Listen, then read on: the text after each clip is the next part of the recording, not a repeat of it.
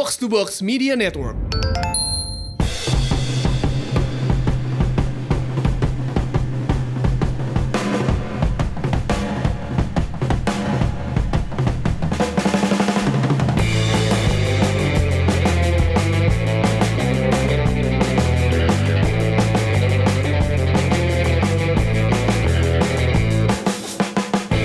Welcome back to Umpan Tarik episode 196 di sini ada gua Rapli, ada Bang Vino dan ada Kang Jalu. Gimana abang-abang sehat semuanya? Sakit perut gua kebetulan sekarang Ya. lagi. Sakit perut tadi habis makan bakso. Oh, kirain gara-gara kalah telak tim kesayangannya.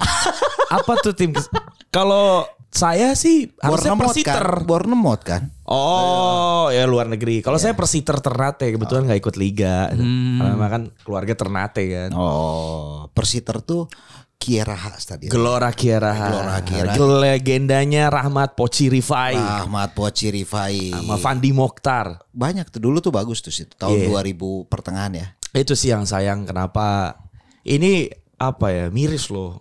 Katanya daerah penghasil sepak bola Talenta terbanyak, terbanyak, iya. talenta terbanyak. Itu Tapi klub di Maluku nggak ada yang profesional. Betul. Apalagi di Liga 1 Indonesia Timurnya ya nggak ada itu. Makassar itu ya timur arah ke tengah lah gitu per- kan. eh, apa namanya? hub lah. Apa hub? Apa tuh? Kota hub maksudnya Oh, kota Makassar. penghubung kan. Oh ya. Ah, iya iya iya yang iya. selalu iya. mengatakan ya tapi memang ya timur perbatasan timur banget lah kalau ibaratnya Jawa Barat tuh Depok lah ya Jawa Baratnya Depok gitu kan Iya, iya, iya. Paling ujung, paling ujung. Cuman kan di daerah timur ini kan, aduh. Kalau kita tahu ya dulu eh, banyak klub-klub yang ya Persiter salah satunya. Persiter ya yang yang tahun itu ya iya. Persibom Bolang Molo, Mongondo Persmin Minahasa. Persmin Minahasa Heeh. terus di Persema Ratual Persema Ratual yang memang mendapatkan namanya ketika ajang Piala Indonesia. Eh, Iya. bridgingnya masuk kan? Masuk, masuk. Luar biasa ya. Harusnya gue aja jadi host ya, Pli. Gila kan?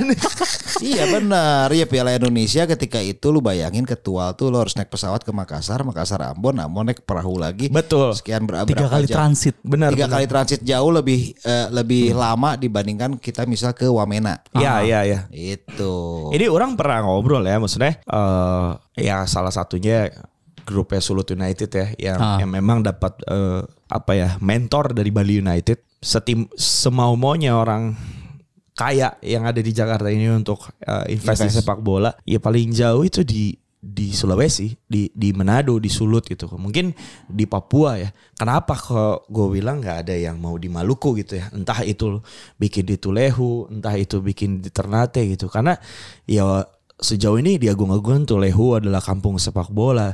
Tapi amat sangat miris ketika yang di Agung-Agung seperti kampung sepak bola, eh, timnya di Liga Pro nggak ada gitu kan. Iya. Itu sama sama kayak Brazil yang suka ngimpor-ngimpor pemain bahkan berganti eh, apa warga negara paspor Iya. tapi Brazil nggak ikut nggak ikut Piala Dunia, Dunia, itu kan iya. eh, lucu banget gitu kan karena alasannya ya make sense sih ketika bikin klub di Maluku itu akan butuh extra cost untuk away atau gimana Iya, karena kan kepulauan kan. Iya per musimnya tuh lu lu ha- apa ya Butuh kos yang banyak. betul betul kos yang banyak untuk away karena semuanya eh, harus menggunakan pesawat gitu kan di Iya. Maluku itu terus ya infrastruktur infra- infrastruktur bisa diban- dibangun Bisa dibangun lah. Bisa- tapi manusianya ini jadi yang bikin males tuh bayangin kita bisa di sana udah punya stadion bagus gitu kan. Iya. Terakhir itu 2018 eh eh, orang sama orang jadi ketahuan orang Bandungnya ya gitu.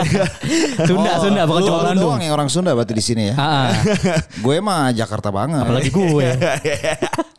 Terus Jadi eh, pulang ke Ternate bikin satu eh, acara namanya apa? Ma- Maluku Cup All gitu. Star, Maluku All Star Ah. antar Tulehu All Star versus Ternate All Star. Ya Ternate kan yang main tuh eh, kalau Tulehu udah banyak ketahui lah. Ternate Iya. tuh Zulham Zamrun, eh, Musafri, Lastohri, eh, Dias Angga pun ikut karena mamanya orang Ternate gitu kan. Stadion tuh full, full banget. itu tahun berapa tuh? 2018 Belasan, 18 Oh masih baru ya, masih baru. Iya 18 18 Stadion full Full banget di Gelora Carrier Full banget Sampai nggak ada Apa Space Space banget yang ya. gue lihat Tapi pas dihitung revenue-nya Ah jadi kok nggak sesuai di ekspektasi Ternyata di sana itu yang gue bilang Harus dibangun bu- budayanya Bayar. eh, Untuk nonton bola bayar. Ma- bukan masalah bayar. Jadi pas udah sampai gerbang nih, ini eh eh ngana kasih masuk dulu ini apa Bapak Oh, Camat PAD nih kan. iya. Ngana kasih masuk dulu nih Om siapa PAD nih, ini Om siapa P keponakan nih. Jadi bawa-bawa ini, bawa-bawa instansi keluarga Iya. instansi ya udah yang jaga gerbangnya kan ya tinggal suruh masuk aja gitu. Ya berarti bayangin berarti satu tribun itu keluarga semua yang bawa atas nama Iya. gitu kan. Ya itu yang bikin sulit gitu. Sama terakhir gue pernah ngobrol sama Pak Gede. Pak Gede ini kan sekarang eh, bisnisnya tuh bangun-bangun lapangan eh, latihan ya. Bangun Terakhir di Bandung kan. Kayak di Bandung yang kita lihat juga di PSF gitu kan. Terus bilang eh, ngobrol, aduh kemarin saya mau tuh bangun di Ternate kata dia kan lapangan Iya. lapangan mini soccer kayak gitu. Ya bangun lah Pak, gue bilang kan. Tapi saya mikir, saya ngirimnya, saya apa biaya bangun sama biaya ngirim sama aja gitu kan. Jadi dia, Iya. dia tuh di, di- dibikin dulu, terus dirakit itu pli yang bikin eh, Ongkos produksinya jadi ah, mahal. Jadi mahal dan dan sebetulnya dengan adanya Piala Indonesia gue berharap sih makin banyak lagi nama-nama tim dari timur tuh yang kita tahu gitu. Iya, gue aja Iya. tuh jujur baru denger tuh nama-nama kayak tadi itu Persi apa? Pesemala. Semara. Iya. Itu tuh Maluku Tenggara. 2007 ya, 2006 2007 kalau Iya, salah. salah satu yang berhasil dari Persemara itu Valentino Telaubun. Valentino Telaubu. Ah, Valentino itu adanya di Pulau Kei. Jadi orang Jakarta tahu lah Kei. Ah. orang Jakarta tahu lah Kei. Nah itu di Pulau Kei itu eh, tepatnya di Kota Tual ada tim namanya Persemara, Persatuan Sepak Bola Maluku Tenggara. Luar biasa. Iya, benar sih ya. Ya sayang sih sebenarnya memang ya Piala Indonesia ini jadi tanda tanya ya. Iya. Hmm. Ya menurut gua kita selalu heboh dengan turnamen pramusim dibandingkan piala resmi betul, seperti ini. betul. loh. Dan yang ikut kontestannya itu lagi, itu lagi, itu Ya. lagi. Iya, benar. kalau menurut gua ya Piala Indonesia ini ya ibaratnya harusnya bisa menjadi seperti Piala FA-nya di Inggris lah. Iya, yang bisa munculin tim-tim yang bakal naik secara tidak diprediksi gitu. Iya, iya, bisa iya. kita lihat Giant Killer tuh ya di sini Iya, gitu loh. pasti tim-tim yang misal gua nggak tahu nih formatnya nanti bakal gimana ya. Hmm. Kalaupun jadi, misal kayak Persija bakal away ke Ternate itu kan bakal nguras banyak banget tenaga kan. Iya. Bukan nggak mungkin buat tim asli sana tuh menang lawan Persija. Kaget-kaget tuh Thomas Doll lihat Gelora Kiaraha tuh. Enggak, tapi kan sebenarnya kan kalau dari yang sebelum-sebelumnya memang tim yang kastanya lebih rendah akan bertindak sebagai tuan Iya, Iya, iya, iya, iya, iya, biasanya begitu kan. Itu yang bikin Persemara tuh dulu melaju sampai perempat final Perempat ya. final. Apa, perempat delapan, ya melaju sampai besar. jauh. Karena lawannya udah kebalang capek. Iya. Main ke sana. Itu dia. Makanya gue berharap tuh emang dari Piala Indonesia juga banyak mengorbit lagi klub-klub yang kita nggak tahu sebelumnya. Terus masuk ke kancah nasional orang jadi tahu dan menarik orang untuk cobalah investasi di sana juga selain klub. Banyak juga pemain-pemain yang namanya mengorbit di Piala Indonesia. Iya, Kalau lu tahu dia. Samsul Arif dulu dari Persibo Bojonegoro yang main di Piala Indonesia jadi top skor. Dia naik juga di ajang itu. Terus kemudian dulu zamannya Kopaji Samsu kalau lu tahu Persegi Bali Iya. FC, Persegi Gianyar terus jadi Persegi Bali FC, Javier Roca jadi top skor. Javier Roca dulu dulu cuman asing di second tier gitu kan. Iya. Kemudian dia bisa step up dari ajang eh, Piala Indonesia. Ini jadi ajang yang baik menurut gua untuk untuk untuk scouting bibit-bibit Iya, baru iya. gitu kan. Karena masalahnya pesepak bola talented di sini tuh yang nggak kepilih banyak Banget. karena cuma mereka nggak dapat panggung aja Iya. itu Makanya akses itu penting. iya Iya. Kedekatan itu penting. Wajar di sini kan KKN di mana-mana kan. oh begitu Iyalah di desa penari ada, ya kan? Iya. Jadi kalau buat sekarang tuh balance masih tanda tanya lah ya, masih belum bisa ada highlight sejauh ini. Ah, ya kalau Anja lu yakin nggak ini bakal bakal Jalan. jalan Harusnya sih eh, kalau ini memang menjadi hajatannya PSSI, Mm-mm. eh, sosok yang anda wawancara di sebuah kantin itu harus- harusnya ini sih, harusnya Bersuara. apa? Harusnya me- mengadakan. Iya. Penting buat dia sebenarnya. Buat suruh nyanyi lagu Bukan slang. maksudnya gini loh buat legasinya loh. Oh, iya, iya, iya. Kan Benar, ini benar, benar. pergantian PSSI 2023 2024 2023 kan? dua tiga Iya, ini kan tinggal setahun lagi harusnya ada legacy Piala Indonesia yang menurut gua gaungnya harus lebih besar dibandingkan turnamen pramusim Iya, itu betul. aja sih. Gua berharapnya itu doang. tapi Lumayan bisa nambah satu final lagi di Bandung. Kan Skip. biasanya begitu. Iya iya iya iya iya iya. iya. Kenapa? Tapi tapi menurut lu Pli kalau diadakannya Piala Liga ini, Liga Indonesia, kali kan udah ngomongin masalah manfaat. Lu terpikir mudorotnya apa gitu? Mudaratnya mungkin bakal banyak pemain cedera ya. Ah. Karena banyak away dan gue nggak tahu nih stadion-stadion yang dipakai tuh kualitasnya bakal gimana kan. Iya. Mungkin pas lagi bola datar atau bolanya ngelambung sendiri. Mungkin pas lagi lari rumputnya ini Iya, ada tai atau- kucing. Iya, pas lagi selebrasi glosor ada batu. Iya, Ya kan gue nggak tahu nih kalau buat tim-tim besar away ke Enggak, makanya stadion-stadion. mudorotnya paling ya selain selain yang tadi ya soal ja- penjadwalan lah ya kita Iya, kita iya. nggak tahu ya penjadwalannya akan Iya. seperti apa. Tapi ya memang harusnya dalam artian ketika ini kan kayak Piala FA itu ada 9 babak kalau nggak salah totalnya. iya, iya, Nah itu harus disaringnya jelas. Iya. Mana tapi ya itu memang harus dibuat aturan. Misal tim empat besar baru muncul di babak keempat. Iya. Ya, Iya, terus iya, itu iya. terus bawahnya ya seperti itu sih. Jadi kalau kayak gitu setidaknya jadi para tim-tim eh, amatir maupun Liga 3 ini yang yang Udah terseleksi sendiri. yang semi pro itu akan terseleksi sendiri. Iya sih maksud gua kayak si ajang-ajang ini memang awal-awalnya harusnya di ya memang tim-tim kecil dulu. Cuman kan aduh masalahnya kan tim-tim kecil ini batasannya gimana apa liga apakah liga 3 apakah liga 2 gitu kan.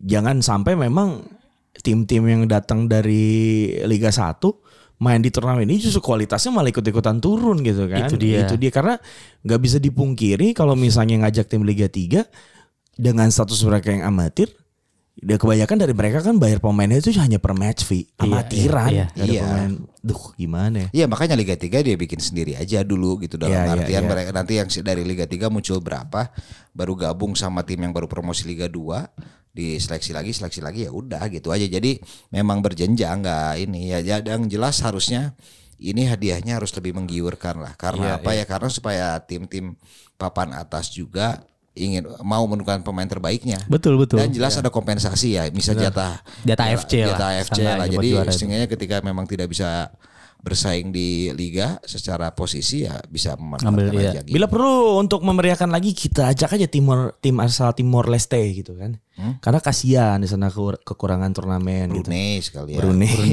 Guam gitu kan Nah, iya. Utara Bener-bener lebih rame berarti kan. Christmas Island gitu kan Jauh kasihan.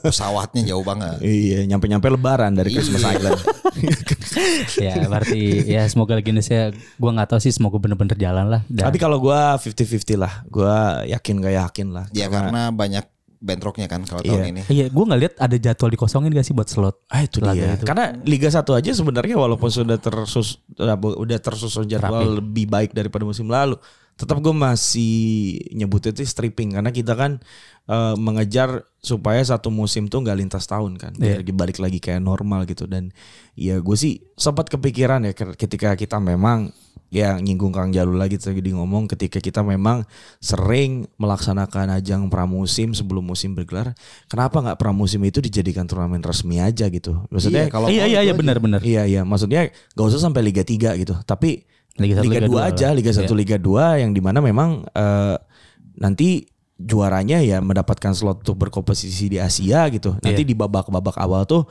misalnya ada tim Liga 1 katakanlah dari peringkat eh, 10 terbawah main lawan Liga 2 ya biar berimbang nggak boleh pakai asing gitu kan. Iya. Itu kan. Itu sih yang yang yang yang Iya. kenapa lu di, di pramusim bisa bikin turnamen dengan hadiah wow, hadiah mewah di package secara baik.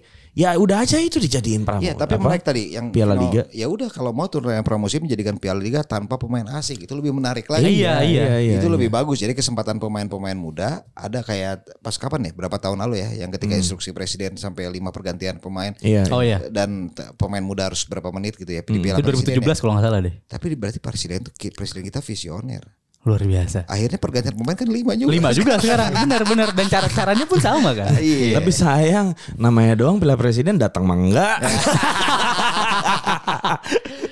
Oke, berarti untuk Piala Indonesia semoga terjalan dan kalaupun jalan semoga sampai selesai. Emang bakal gak selesai? Bukan bakal nggak selesai, takutnya kelamaan. Iya, iya, iya, iya, kelamaan. iya. Karena Sampai sudah-sudah kan lama banget. Turnamen yang sudah-sudah yang Ah, uh, ketika udah mau final kepotong kompetisi baru tahun depan. Ada, ada lah sebenarnya. Pemainnya udah ganti. Pemainnya udah ganti. udah pindah-pindah. ya. Dan berikutnya tuh juga ada eh, kita dapat kabar segar. Ke- kemarin juga kocokan Piala AFF udah keluar. Kemarin Luis Oh apa? iya Coach ya. STY itu protes kenapa bisa masuk di pot 3. Iya. Terus setelah dikasih tahu kalau di tur- dua turnamen sebelumnya Indonesia tidak terlalu baik, ya udah akhirnya coach STY kan eh, maklumi itu. Dan di AFF Makanya ST itu sebelum protes pahami dulu jangan protes Iya, dulu. Tapi kan mungkin dia sudah me- masuk banget lah Indonesianya karena udah ngomong aja dulu. Jadi udah Indonesia banget. ya. Indonesia banget. Risetnya mau belakangan. Nah di kemungkinan di Piala AFF berikut Jordi Amat sama Sandy Walsh tuh udah bisa main karena sudah resmi jadi WNI. Hidup Busari.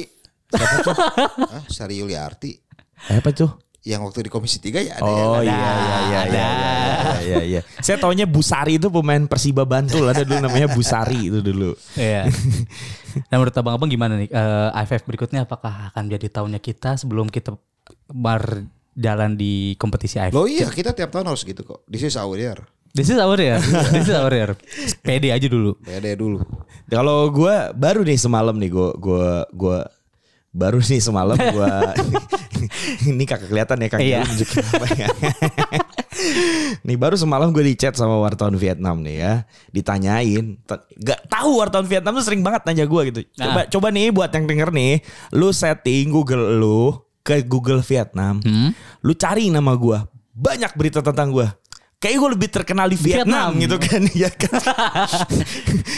ya nih, si ditanya? si wartawan Vietnam tuh nanya gitu kan, nanya ke gue em, apa gimana eh, antara Ta- Vietnam dan Thailand what do you think who is stronger gitu kan and Indonesia akan menghadapi eh, Thailand eh, yang tim yang mengalahkan Indonesia di final AFF 2020 apakah eh, apa yang kamu harapkan dari Indonesia gitu terus gue bilang Nah. kan ya Thailand punya FF mentality ya kayak ibaratnya tuh kayak Real Madridnya gitu kan ya kayak Madrid Liga punya Champion. ya, Champions Iya. League mentality gitu kan Thailand gitu kan ya jadi poin gua Th- Thailand masih tim yang paling favorit kandidat paling favorit untuk ya, dalam turnamen ini misi dia mempertahankan trofi gitu kan. Ya kita gue ngomong kita Indonesia ya. Kita Indonesia udah kalah di banyak final sih gitu kan.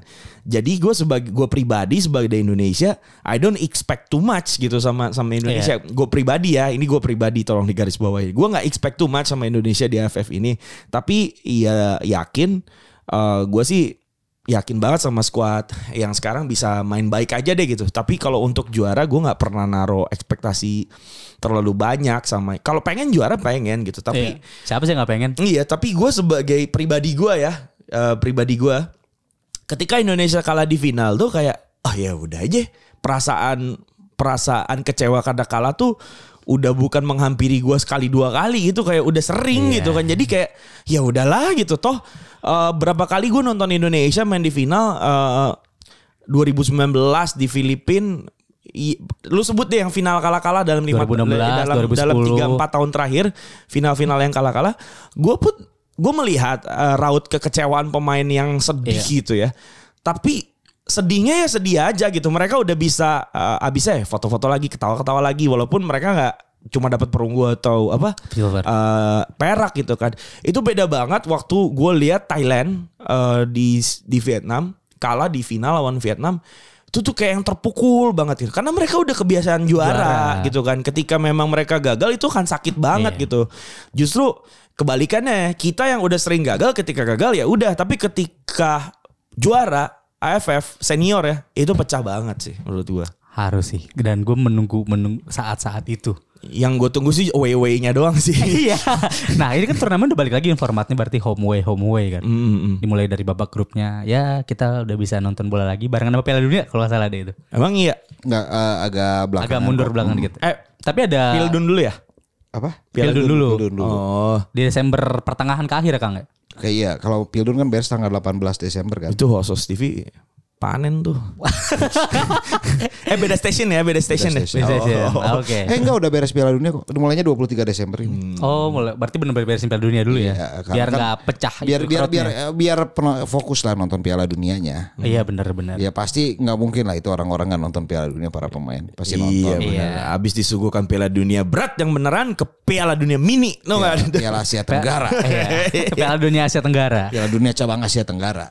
Ya ya. ya. Kalau kita mainnya di Qatar bisa disebut Piala Dunia juga nggak tuh? Ya bisa lah. Bisa dong. Enggak, jangan dong.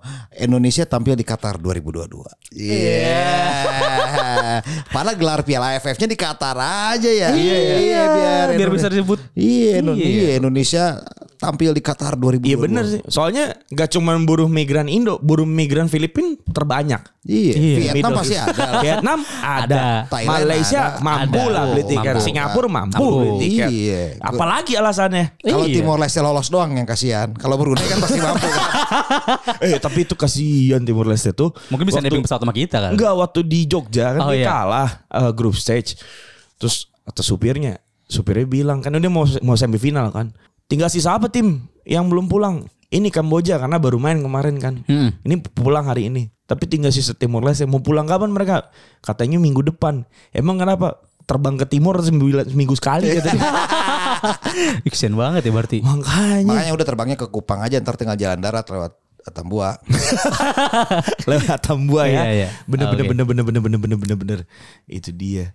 Ini kayaknya kita peluang ketemu Timor Leste juga, Pli. Iya, Itu. karena kan- Kita away ke sana nggak? Iya kita main away Ke Timor Leste. ke ya oh, Ti- Timor Leste Timor atau Timor? Leste jadi home kita Ah. jadi jadi tim tandang cuma mungkin maksud gue praktisnya adalah gini aja mending Timor Leste mainin aja di Kupang bener nggak Iya. iya kan Iya. Ya Kupang ke Tambua lah yang dekat-dekat situ lah ya. iya Berarti itu tetap kita home dong kalau gitu. Apa enggak? kan secara culture lebih ke mereka kayaknya Iya. kita yang tetap tandang deh gitu kan walaupun main di Indonesia gitu kan Enggak lah. Kita tandingnya minta di Pulau Rote aja lah. biar biar kita bisa menikmati pemandangan juga. Ah, luar biasa. jauh itu mah Jauh jauh. ya terbang ke timur udah susah ini lagi suruh ke Pulau Rote Eh, Indonesia terakhir kali away ke timur tuh kapan berarti? nggak pernah Enggak pernah. Nggak pernah. Gak pernah. Tim yang uh, seingat gue pernah away ke Dili itu Malaysia. Tim pernah away ke Dili itu Malaysia. Safi Sali pernah main di Dili.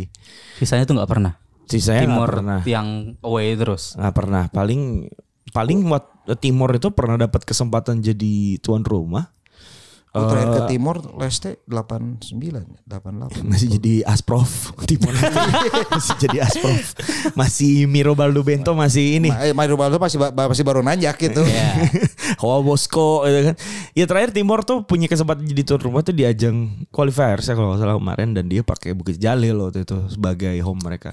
Kayak mereka mereka pun masih pede. belum sanggup Oh, untuk iya. ini ya, masih belum sanggup untuk Masih belum pede lah. masih belum pede untuk menggelar turnamen sebagai tuan rumah. Jadi kalaupun nanti kita ketemu Timor Leste itu Kali kita main di Bali. bisa jadi Bisa jadi. bisa jadi Bisa main jadi, di Bali karena em, bagi Federasi Timor Leste tuh Bali tuh tempatnya udah tempat yang paling pas lah buat mereka Iya. gitu Oke, menarik menarik. Nah, sebelum itu kan kita kayak nggak afdol nih kalau nggak bahas update-update Liga 1. Di sini ada timnya Kang Vino yang Persiter. Persiter.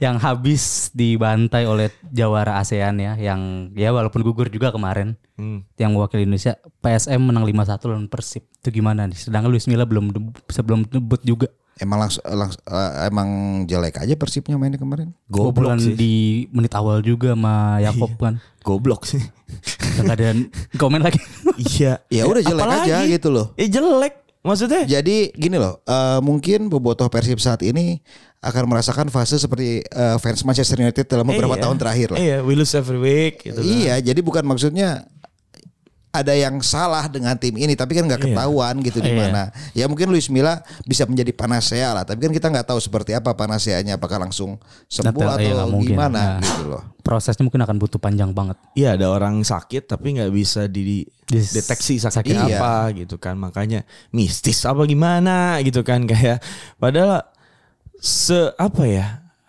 se seminim minimnya skuad Persib Bandung di ya di liga ya di lima, Iya. let's say 10 atau lima sejak juara lah atau satu tahun sebelum juara itu main away Per- walaupun kalah ya dikalahinnya susah Iya. 1-0 2-1 gitu atau paling gede 2-0 gitu kan Tapi dari 2009 ke sini sering kalah telak loh pas away. ah iya 2019 ke sini lawan Arema, ya lawan ya Persebaya. Ta- Iya. ta- tapi itu hanya terjadi sekali dalam setahun atau dua kali. Ini ini dalam satu putaran belum berapa match udah kalah dua kali gila, kalah dua kali gede di tandang, di kandang juga kalah.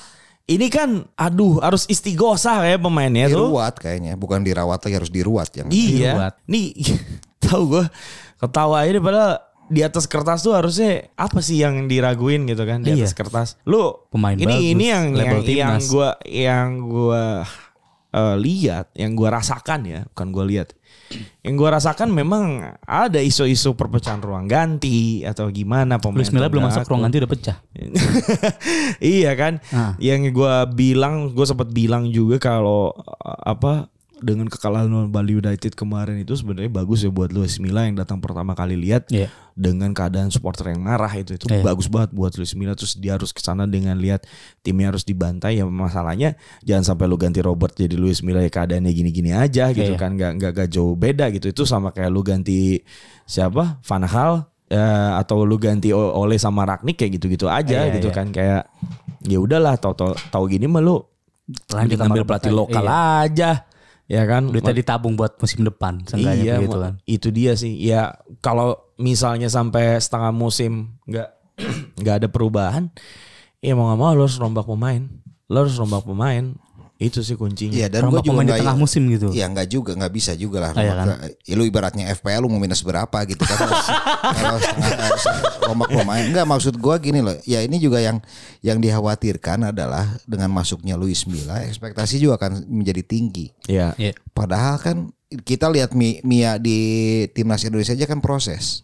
iya. Iya kan? Nggak nggak langsung kan? Dia nggak bisa langsung tune in juga kan? Iya, iya, iya. ya apakah di, di Persib ya memang dia dia bisa daily basis lah tapi ya gua walaupun gua sebagai orang Bandung tapi gue tidak terlalu yakin bahwa Persib ini akan bisa menjadi ti- title contender kalau eh, posisi papan atas sih hampir pasti bisa lah dengan materi yang ada ya tapi sebagai title contender gue masih cukup ragu sih Iya.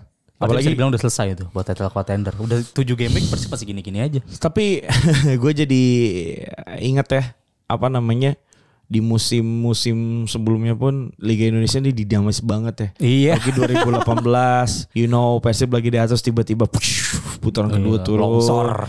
Terus eh, di apa di tahun lalu Hmm. Borneo juga awal musim bish, bagus banget. Persebaya awal musim bush banget banget tiba-tiba kendor Iya. gitu kan ada apa ya ya apa pun masih bisa terjadi ya kalau gua melihat gejala-gejala dari beberapa musim eh, ke- terakhir ya gitu kan. Ya tinggal gimana memang lawan Rans nanti ini akhir pekan di atas kertas sekali lagi di atas kertas. Itu pun yang gue bilang ke teman-teman gue PSM di atas kertas harusnya bisa minimal draw imbang ternyata di jangan kalah dibantai ini tuh. Iya. nah next lawan Rans di atas kertas seharusnya kan bisa menang main di Bandung gitu kan itu sih uh, harusnya bisa jadi momentum ya buat buat buat pemain lebih confident lagi gitu. Ya itu sih. Ada yang bilang kemarin Luis Mia nggak bisa dampingin di kan bench. Trans. iya ada yang bilang kemarin Luis Mia nggak dampingin di bench tuh kan katakan sakit gitu kan. Emang sakit sih masih sakit makanya gua diundur kan wawancara oh gitu. Oh. Oke ini info A1 sih. Iya banyak yang susun soalnya. Iya. Enggak dia ya kalau gua sih amat percaya dia sakit. Karena apa? Satu udah bikin janji bukan udah bikin janji. Enggak ditepati ya sakit sih Pak. Enggak dalam artian gini loh. eh, dia datang ke Indonesia setelah sekian lama iya langsung dalam situasi yang panas kondisi kita juga lagi pancaroba iya Iya. terus berangkat ke mana timur kan yang eh, yang kondisinya di Pare-Pare itu jauh lebih panas dibandingkan Bandung Iya. apalagi kemudian Eropa. makan palu serigala mungkin Nah, dia. itu udah wajar lah. Jadi menurut gua masih proses adaptasi. Proses adaptasi dulu lah si Luis. Iya mungkin dia jet lag. Emang make sense sih kalau dia Iya, memang eh, Masih apa, adaptasi dengan kondisi lokal. Ya dia dia sakit make sense. Kalau dulu kan stay paling di Jakarta, Jogja, Bandung, gitu-gitu aja kan kalau pas nanganin Iya timnas. kan zaman timnas kan ketika dia datang dia langsung gak dia langsung masih bisa santai-santai dulu. Iya. Gak dihadapin langsung dalam aktivitas yang sangat padat. Kalau sekarang dokumen Ini kan ketika banget nih. dia mendarat kan dia harus launching, dia harus apa, dia harus nonton match lawan Bali United, Hmm. kemudian dia harus dampingin tim ke Makassar. Make sense sih kalau memang dia dia dia Sakit sakit. langsung. Tapi sesakit-sakitnya Luis Milla tetap gak harus kalah segitu. Iya. Iya kan? Emang udah Luis Mia kemarin? Iya, maksud kan udah dampingin latihan. Damping latihan tapi tidak di, di bench kan. Iya, tapi kan maksudnya se gimana sih nggak harus gitu juga Ah, gitu iya. kan. Ya kan emang jelek aja kita Iya. udah sepakat. Jadi ha- hadir atau enggaknya Luis Mia tuh ya ngaruhnya cuman ya paling 10% gitu kan. Ah, iya, iya. Aing liar anjing. Nah, Kang Jalu sebagai fans Rans nih gimana menatap laga akhir pekan nanti? Gua sih berharap Boboran. boboran siam lebaran Dapat dong. jatah tiket berapa di Gede Bage? Ntar gua telepon Raffi dulu deh. Boboran. Enggak, tapi mak- maksud gua ya Rans apalagi kan eh, Habis dalam menang perdana kan ya habis kemarin. menang perdana. Terus menurut gua Rahmat juga udah cukup apa namanya udah cukup apa ya udah cukup apalah dengan kondisi Iya. DBLA ya karena waktu iya, persiapan iya, iya. terakhir 2020 apa 2019 dia eh, di situ kan Ah. Ketika ma- masih megang Madura kalau tidak salah. Tapi ya menurut gua eh ini bisa menjadi apa ya? eh ujian bagi Rans juga ya. Apakah dia akan kembali ke apa ke performa tidak pernah menang lagi Hmm. ataukah Persib? Tapi kalau Persib mainnya kayak kemarin lawan PSM sih lawan Rans juga maksimal seri masalahnya. Maksimal seri. Iya kalau mainnya kayak lawan PSM ya. Jelek banget sih emang Nggak itu. jelas jelek banget. banget nggak jelek. Siapa? Eh, yang striker yang tengah Silva ya. Silva, bro. Iya kemarin juga tuh berapa kali gue lihat. Susah banget sih. Kalau kalah siapa lagi yang demo pelatih udah suruh keluar. Masa pemain suruh out? Karena ada tuntutan satu lagi dari Oh iya dari iya iya Boboto. iya iya iya iya. iya tapi yang teknis lah yang masalah teknis lah. Itu sih. Kalau lawan Rans juga menarik ya. Wander Lewis sama Konate balik lagi juga kan lawan lawan Persib Bandung. Ya Wander Luiz pasti punya ini dong, punya dendam sedikit lah. Iya, tapi kan udah ganti pelatihnya. Iya. Siapa yang didendamain gitu kan. Eh, iya udah selesai juga maksud masalah sama pribadinya yang dari Persib kan. Iya, gitu. Apalagi? Ya oke, eh, terus berikutnya ada Bali United yang menang 4-0 lawan Persik ya. Ya iyalah udah. Iya udah. Udah lah ya. Terus ada Madura United yang menang 2-1 lawan Persikabo akhirnya Persikabo. Habis bensin. Gak apa-apa. Iya, ngomong nggak jujur aja emang habis bensin. Ah, iyalah. Terus berikutnya ada Persita 3-2 lawan ini Bayangkara. Gila. Bayangkara juga Vera ya. nih bingung ya.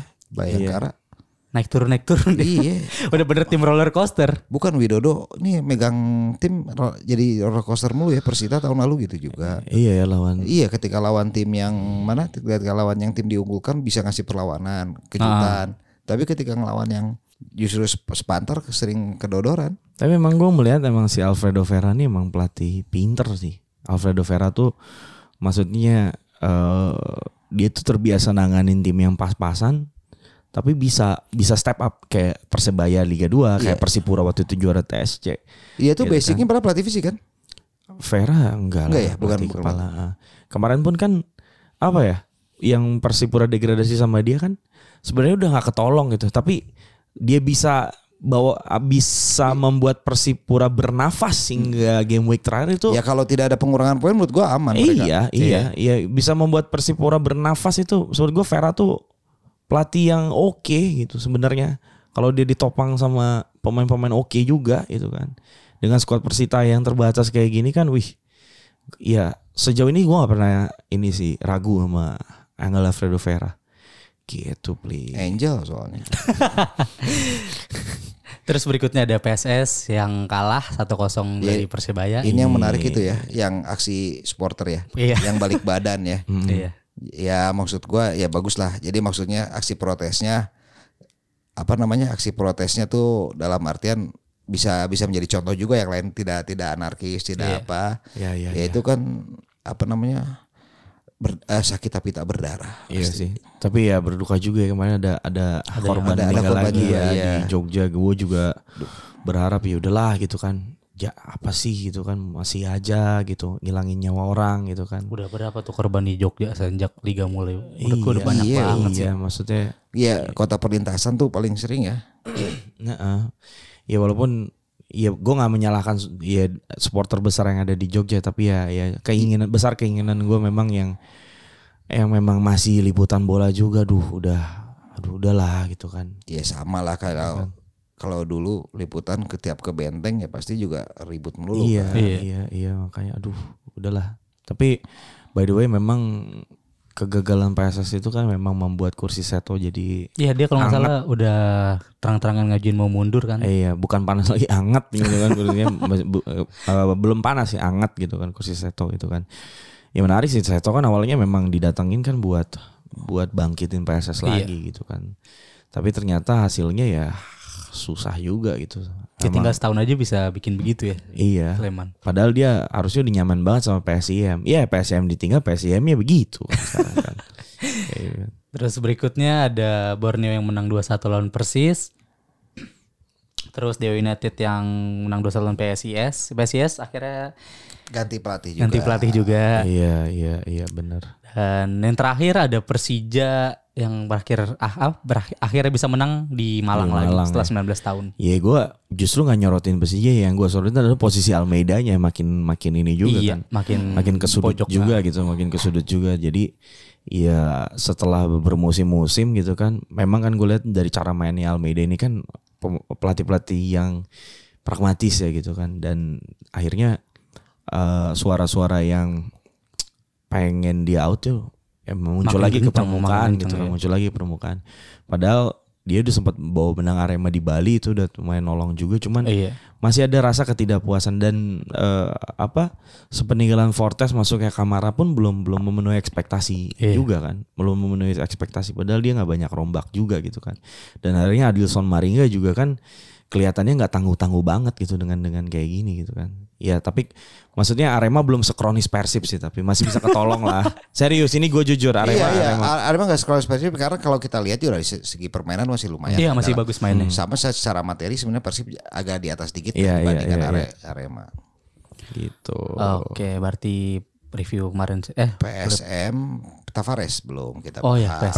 PSM ya benar benar Iya kan dari pelatih-pelatih asing kayaknya sekarang yang di yang Disorot Tavares banget ini nggak pernah nggak pernah disorot ya sebelumnya ya. Tapi sekarang dilihat habis ngalahin satu-satunya tim yang belum terkalahkan. iya ngalahin Persib langsung semua ngelihat Persija juga kalah ya?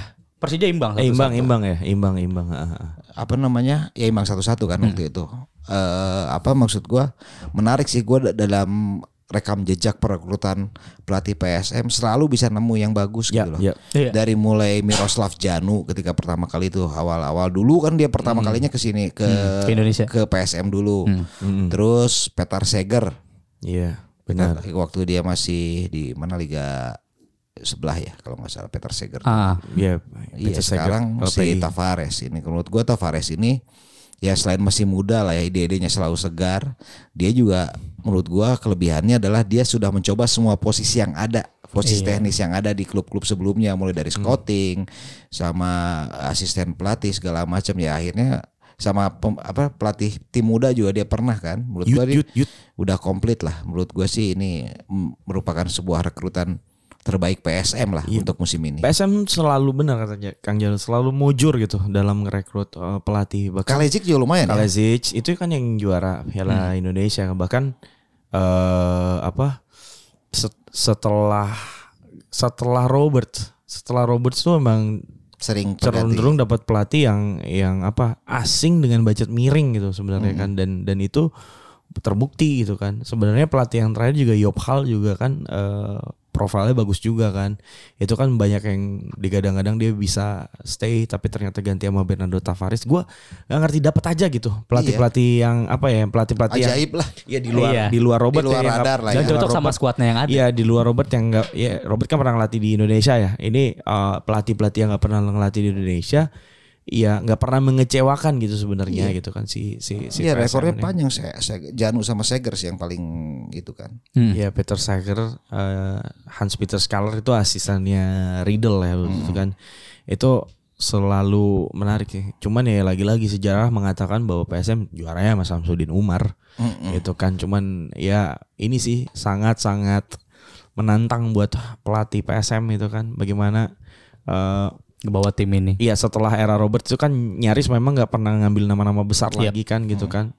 Nah itu pelatih-pelatih itu sangat-sangat pelatih-pelatih yang baru yang baru datang itu jelas sangat tertantang juga dan Bernardo Tavares em, dari beberapa kali eh, gua ngobrol sama pemain Liga 1 emang kebanyakan dari mereka mem- yang terutama yang udah pernah lawan PSM ya dia bilang ini pelatih bagus ini pelatih bagus. Itu pemain pemain Liga 1 sendiri yang bilang ya udah pernah main Bernardo Tavares.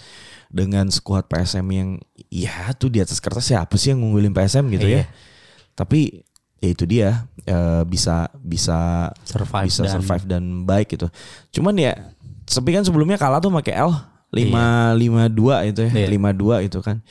Ya gue jadi timbul pertanyaan gitu kan apakah jangan-jangan di laga lawan Persib Bandung PSM-nya emang biasa aja lawan yang goblok gitu kan Ya iya. kan itu jelas. Ya habis kalah dari KL kan mental kena dong. Iya. Kita kan ah gua ini deh gini kan. Ya bisa dua, bisa kena mental atau eh, itikat bangkit dua itu aja. Iya benar. Itu dia kan gitu, Pli. Apalagi?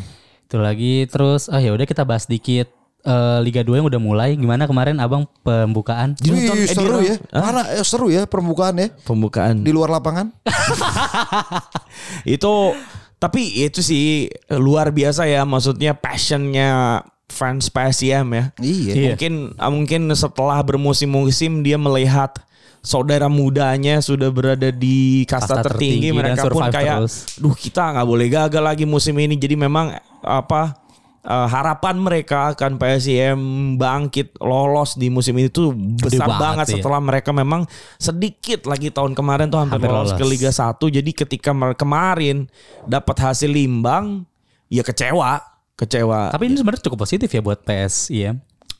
Iya, yang gue dengar pun ya apa cukup stres juga ya jadi pemain PSIM. Walaupun walaupun sebenarnya gue sih appreciate ya sebagai eh, orang netral gitu eh, melihat kemarin di pertandingan perdana dapat dapat satu Poin. Away away, lagi. Itu kan sebenarnya modal positif ya, modal modal modal bagus ya.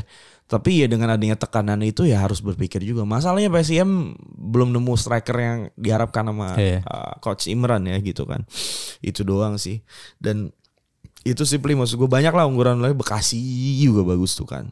Bekasi gimana? Bekasi City. Bekasi City. Bagus lah. Tapi Ata nggak nggak terlalu fokus di situ. Nggak terlalu fokus. Bahkan kemarin dia update dia lagi nonton tuh. Iya, tapi dia tetap prioritas pertamanya futsal. Dia. Oh, oke. Kebayang kalau Bekasi City lolos ya.